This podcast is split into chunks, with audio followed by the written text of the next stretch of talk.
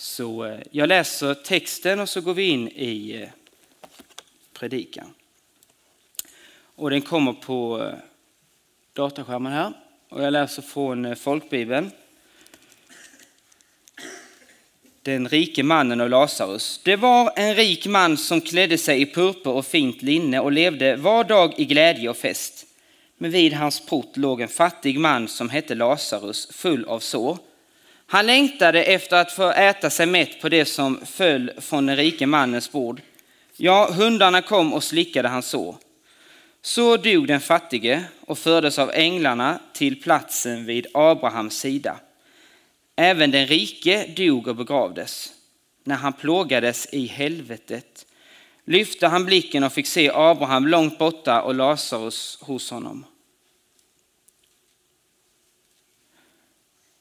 Då ropade han, Fader Abraham, förbarma dig över mig och skicka Lazarus att doppa fingerspetsen i vatten för att svalka min tunga, ty jag plågas i denna eld. Men Abraham svarade, mitt barn, kom ihåg att du fick ut ditt goda medan du levde, under det att Lazarus fick ut det onda. Nu får han tröst och du plåga.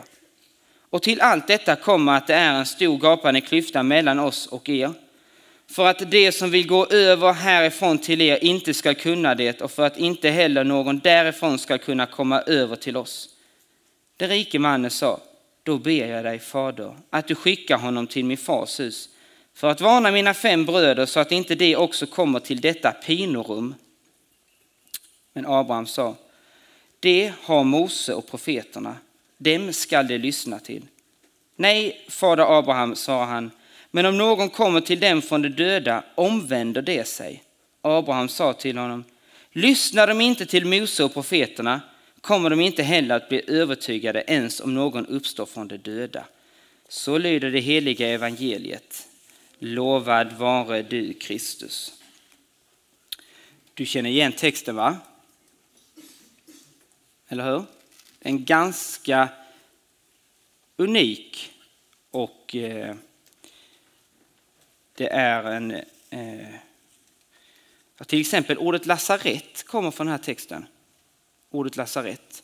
Och det har varit på ett lasarett så vet du att det kommer härifrån. Där ser man vad kristna tron har påverkat vår kultur. Och eh, jag ska säga lite senare, men det här med änglar som leder vår själ till Gud, det kommer också från den här texten. Eh,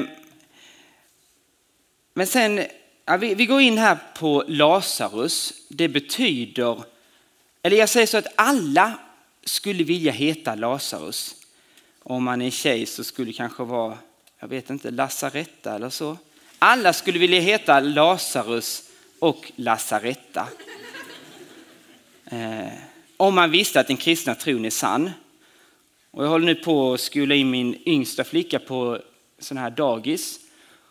Och då vet ju alla att jag är präst, så för mig, jag har ju redan kommit ut, de vet ju att jag är, är präst. Och då vill de alltid fråga hur det är att vara präst.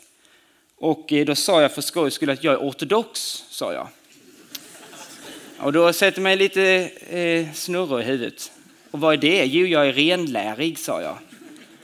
Ja, och så, ja, ja, min man är ateist, sa hon. Jaha, jag, sa, det, jag tror det är väldigt dumt att vara ateist, sa jag. För att eh, det är väldigt få som, det är mindre och mindre ateister, det är faktiskt statistik på det. Mindre och mindre ateister och mer och mer kristna. Men svensken vet inte detta. Hon, är så, hon kan ingenting om vad tro och andlighet är. Och det visade sig med att hon skulle bli buddhist. Men hon visste inte vad buddhism var. Så då kan man fråga sig varför hon skulle bli någonting som hon inte visste vad det var. Eh, men om alla hade vetat, även den här underbara dagisfröken, att kristen tro är sann, då skulle man vilja heta Lasaretta eller Lazarus. Varför det? Jo, för namnet betyder den som Gud hjälper. Så när du kommer till ett la lasarett, lasarett, då tänker du alltid Gud hjälper. Amen. Härligt va? Mm. Första evangeliet idag. Ja, eh, en annan sak är lika sann och det är att ingen vill leva Lazarus liv.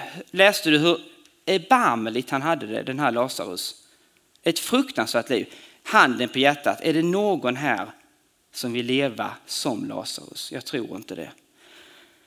Och sen lever vi i en stark tradition av nådeskristendom och det är verkligen, det är, det, det är verkligen sant, kära du, att det ska inget ta från oss heller, att vi kommer till himlen av nåd, inte genom duktiga gärningar. Vi kommer till himlen av nåd. Men den rike mannen kom inte till himlen. Eh, båda två var i sina liv på väg mot evigheten. Den ena till en plats där Gud inte finns. Den andra till en plats där Gud finns. En klyfta skiljer dem åt. Det ligger ett väldigt, väldigt stort allvar i den här liknelsen, kära broder och syster. Och vem kommer till himlen?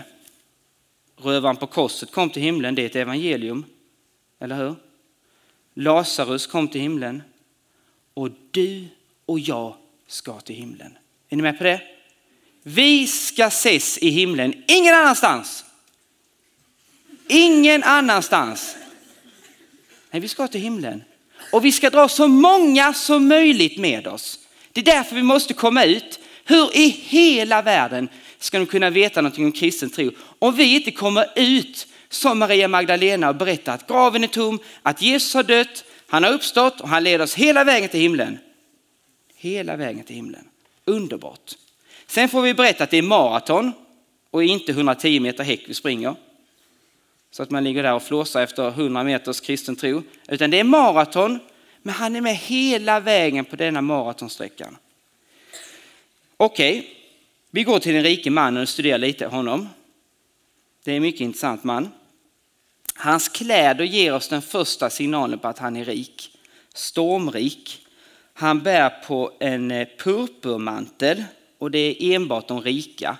Visste du att för att framställa, det här har jag googlat, 1,4 gram rent purpur så behövs det 12 000 musslor. Och som en pastor så har biskoparna, de har ju purpurdräkt. Så hur ska man tolka detta?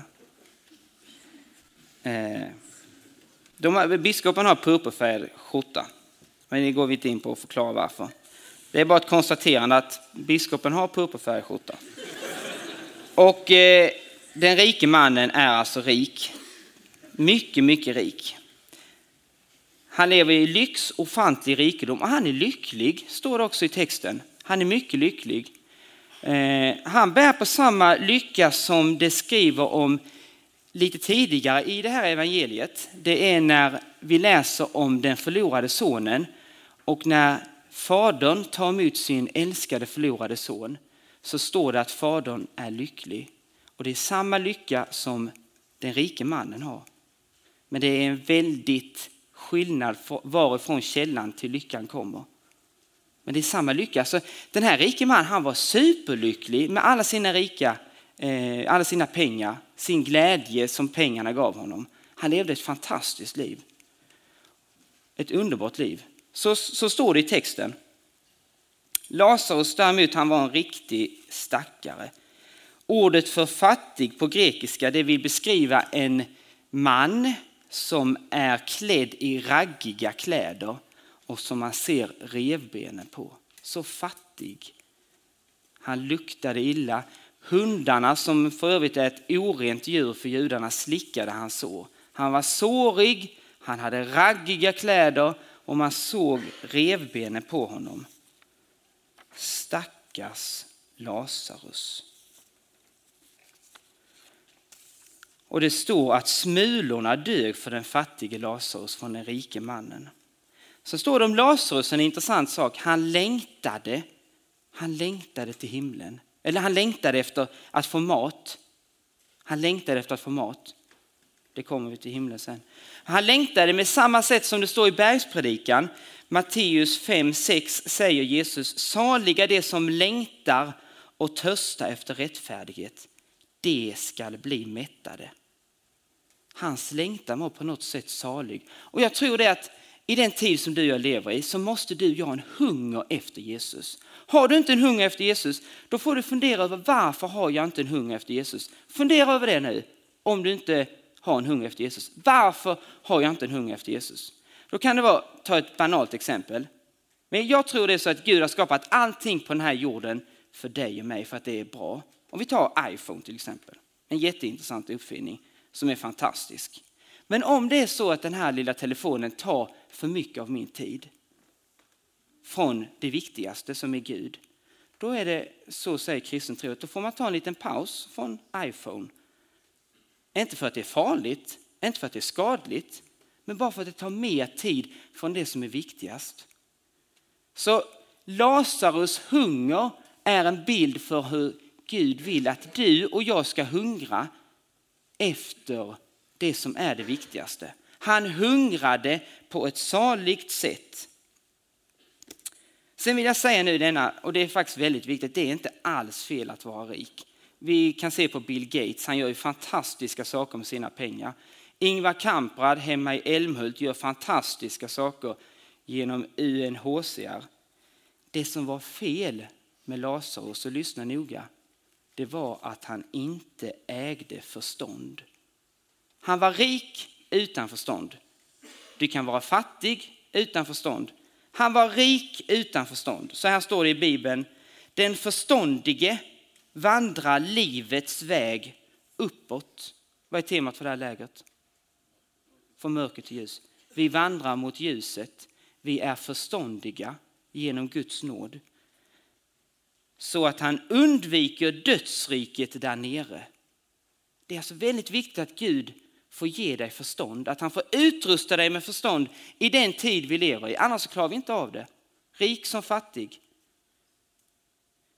I skriften står det också att kärlek till pengar är en rot till all ondska. Och du som börjar bli rik eller kanske har fått gåvan att vara rik, läs Jakobs brev om hur du ska förvalta din rikedom så att du inte Eh, blir utan förstånd.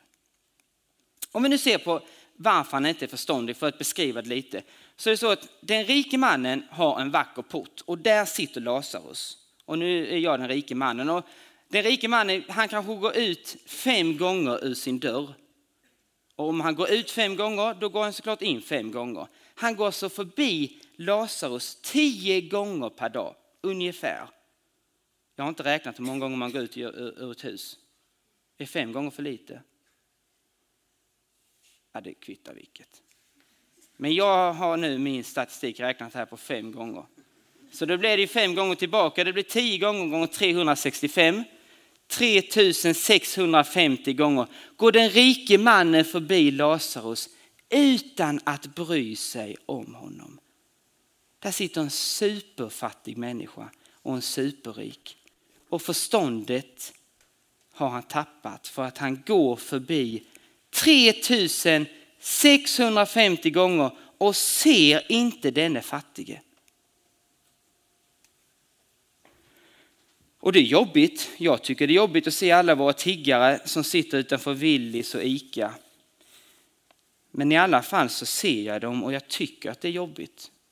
Den rike mannen såg honom inte eller brydde sig inte om honom.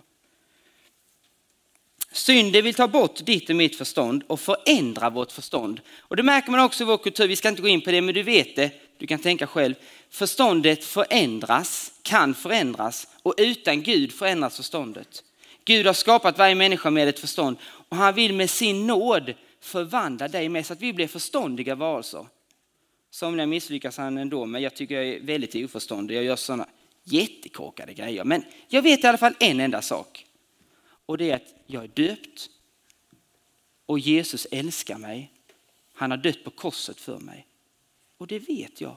Och det vill jag att du ska veta som är här. Att han har dött för dig, att han älskar dig. Att i dopet har du fått alla dessa goda gåvor. Sen gör vi misstag och ja, oförståndiga saker ändå. Mm. Jag är också ganska sekulär. Vi går vidare i texten och sekulär det är att man man eh, lever sitt liv utan Gud. Så jag var irriterad när jag var präst, för det var sånt himla plingande ibland i kyrkan eh, då på eh, tisdagar och onsdagar. Och då skulle jag sitta och förbereda, tyckte det var väldigt dånande i kyrkan. Och det var ju för att de hade dött. Och då frågade vaktmästaren, måste vi plinga tio minuter per person? Och då tittade vaktmästaren på mig som är ännu mer sekulär och så sa han, men vet du inte det, du som är präst? Att kyrkklockorna plingar för att det är en symbol eller bild för att änglarna för den dödes själ upp till Gud. Och nu har Lazarus dött. Och med änglars hjälp så har hans själ förts upp till Gud, till Abrahams sköte står det. En plats av djupaste barmhärtighet, djupaste närhet. Och han har blivit upprättad, Lazarus. Han är i himlen, den plats som vi vet existerar. Men nu har också den rike mannen Lazarus dött. Och det är en plats som vi pratar mindre om, eller hur? Hur ofta pratar du om helvetet med dina klasskompisar? Nästan aldrig. Vi har glömt bort kyrkan, har glömt bort helvetet. Men jag har hört, eller jag bara säger så att om man bara fått vara, se bråkdelen av en sekund in i helvetet så hade det varit den mest fruktansvärda, fasansfulla syn man någonsin hade kunnat se. Vem är det som säger den här berättelsen? Det är Jesus. Det är inte jag som säger det. Jesus lägger in ett väldigt stort allvar ikväll över att helvetet faktiskt existerar. Ordagrant så står det i grundtexten Hades, det är dödsriket. Eh, det vi vet i alla fall är att platsen skiljs åt mellan den rike mannen och Lazarus för alltid. Den rike mannen ser upp, det är en djup klyfta och han ser hur bra Lazarus har det. Och han verkar i alla fall känna igen Lazarus. För nu börjar en mycket intressant konversation mellan Abraham och den rike mannen. Innan dess vill jag säga så här att vi kan inte skrämma en enda människa till, till eh, Gud genom att berätta om helvetet. Men vi måste veta om att det existerar. Eh, vidare så står det i Bibeln så här i Uppenbarelseboken att en jag såg en skara som ingen kunde räkna stå framför tronen och lovsjunga. Så väldigt, väldigt många kommer komma till himlen. Men det kommer också vara de som inte vill eller som inte haft tid att omvända sig eller inte velat ha med Gud eller sina medmänniskor att göra. Att hata sina medmänniskor eller att hata Gud, då, och det är ingenting som vi kan bestämma att jag ska älska min människa nu, utan det är någonting som bara Gud kan på djupet förvandla oss genom. Alla kan vi komma i kontakt med detta mörker. Det är bara Jesus som kan dra oss ut ur detta mörker, ingen annan. Vi vet också i skriften att Jesus var nere i dödsriket och där predikat evangelium. Så han har makt över helvetet, han har makt över himlen. Men denna plats finns och nu är Lazarus där. Därför, du behöver ta kontroll över ditt liv. Du kan inte bara lalla med eller joja med, så säger man i fotbolls inför killar nu kan ni inte bara lalla. Eller tjejer. Alltså det säger tränarna sånt där. Och jag säger så till dig, du kan inte bara lalla längre. Är du med? Det gäller din själ. Du kan gå förlorad. Ni ser hur allvarligt det är. Och jag, jag, jag kan inte släppa allvarlig blick för att vi kan gå förlorad. Det är så illa. Jag vill inte skrämma någon. Jag vill bara säga att det är väldigt, väldigt allvarligt detta. Så. Nu är jag lugn igen, men ni ser, jag kan bli arg. Jag, jag är inte arg. Jag vill bara visa på allvaret. Vi behöver ta kontroll över vårt liv. Väldigt enkelt, jag pratade här lite, jag vet, jag vet bara att den som läser Bibeln varje dag, det är som att borsta tänderna. Du ska inte, mm, lite har nu sån här, ja, jag vet att det är så. Nu när ni kommer in från Puls, jag vet när man kommer från Brenas bibelkamp, mina barn är superfromma. Sen går det en vecka. Så är det för dig också med puls. Men nu gäller det här, läs din bibel varje dag. Och gå till förbön om du inte känner att du klarar det. Och säg, säg det. Läs din bibel, det är alltså som att borsta tänderna. Du ska inte ta ett steg utanför din säng utan att ha läst Bibeln. Du kan använda din telefon, bara du läser din Bibel. Är det uppfattat? Jag menar allvar. Ni som känner mig vet att jag inte är arg, men jag menar allvar.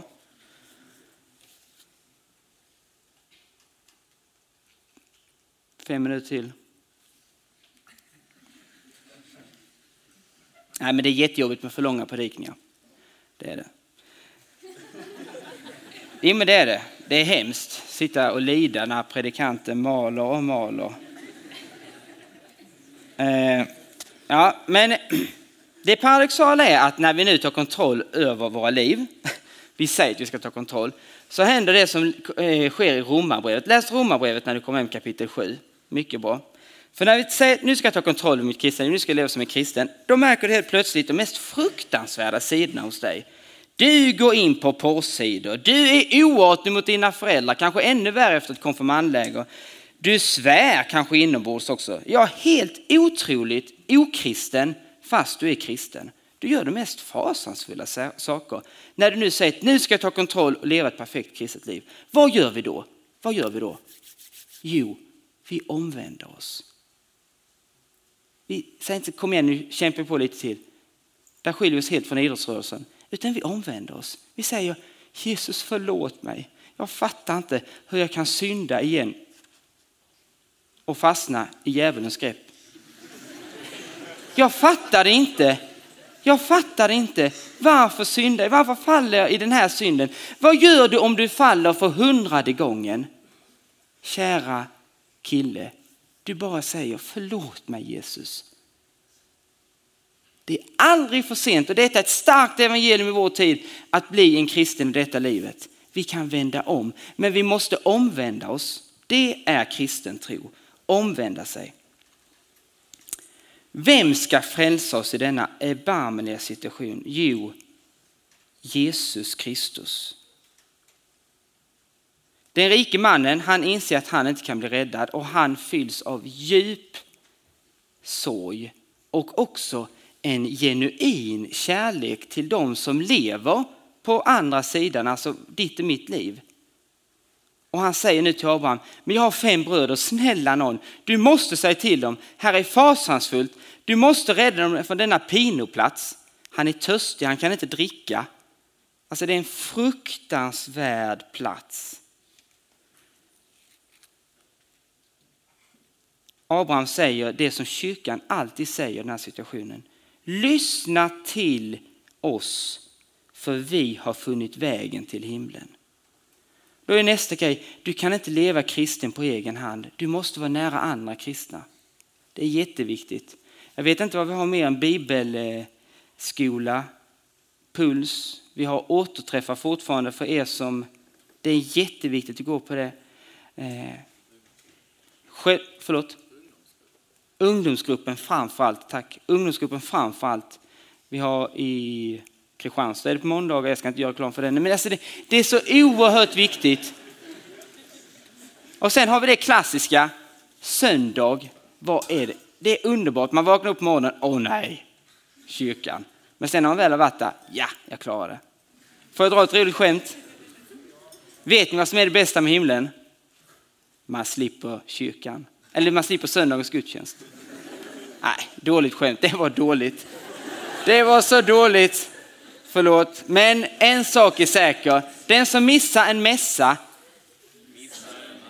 Ja, gå till kyrkan varje söndag. Det är vad Abraham säger på ren svenska till oss idag.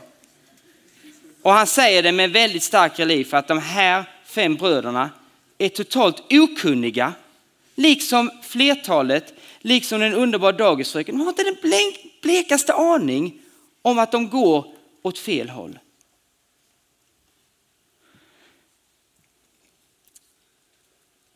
Och varför finns det då inget helvete på vår jord? För det är ett väldigt liberalt svar idag. Helvetet finns på vår jord, bla bla bla. Jo, för att helvetet är platsen där det inte finns hopp om befrielse. Och det finns det överallt på denna jorden. Och du är den som ska gå med det glada budskapet. I helvetet kan man inte evangelisera. Det är det som skiljer helvetet från helvetet på det, det den här jorden. Och vi måste hoppas, utifrån det är sant att den rike mannen är i helvetet. Vi måste hoppas och be att dina kompisar kommer till himlen, eller hur? Det vore fruktansvärt alltså, elakt om vi sitter här, ja, vi är på puls, här är jätteunderbart, skyller själva. Så tänker vi inte, utan underbart, jag är på puls, här får jag lära mig mer om kristen tro och nu vill jag ut, komma ut och berätta om detta. Och jag vet självklart, ibland måste man vara kristen på hemlighet. Jag vet själv hur tufft det är ibland, så jag menar inte att ni ska eh, vara oförståndiga, men det är viktigt att de blir frälsta. Är ni med mig? I alla fall kan vi knäppa våra händer och be för de som inte tror på Jesus, att de ska vända om. Det kan vi göra. Och det är det de gör nu. Jag hörde faktiskt om en berättelse att en ISIS-soldat blev frälst genom en kristen. Han, den kristne fick lida döden. Men den kristne sa så här, jag vet du kommer skjuta mig, men ta den här boken och läs den. Och ISIS-soldaten kom ut ur detta helvete och blev en kristen. Jag hade en kompis en gång som sa till sitt tuffa gäng, om jag bara hade sett Jesus här och nu, då skulle jag tro på honom. Så funkar det inte. Det finns tusen ursäkter för att inte tro på Jesus, fastän man ser honom. Och det ser vi i Bibeln också. Kristna är inte perfekta, men vi tror på en Herre som är perfekt. Och när han får tag i oss, när han sätter sitt frö i dig och mig, då börjar allting förändras. Och han har satt sitt frö i dig. Jag tror det är så enkelt att genom dopet så sätts ett frö. Och nu är det du och jag som ska ge detta fröet näring. Och jag vädjar till dig, få in Lazarus hunger i ditt liv. Jag vädjar till dig. Att låt ingenting vara viktigare än Gud, Jesus, kyrkan, UG.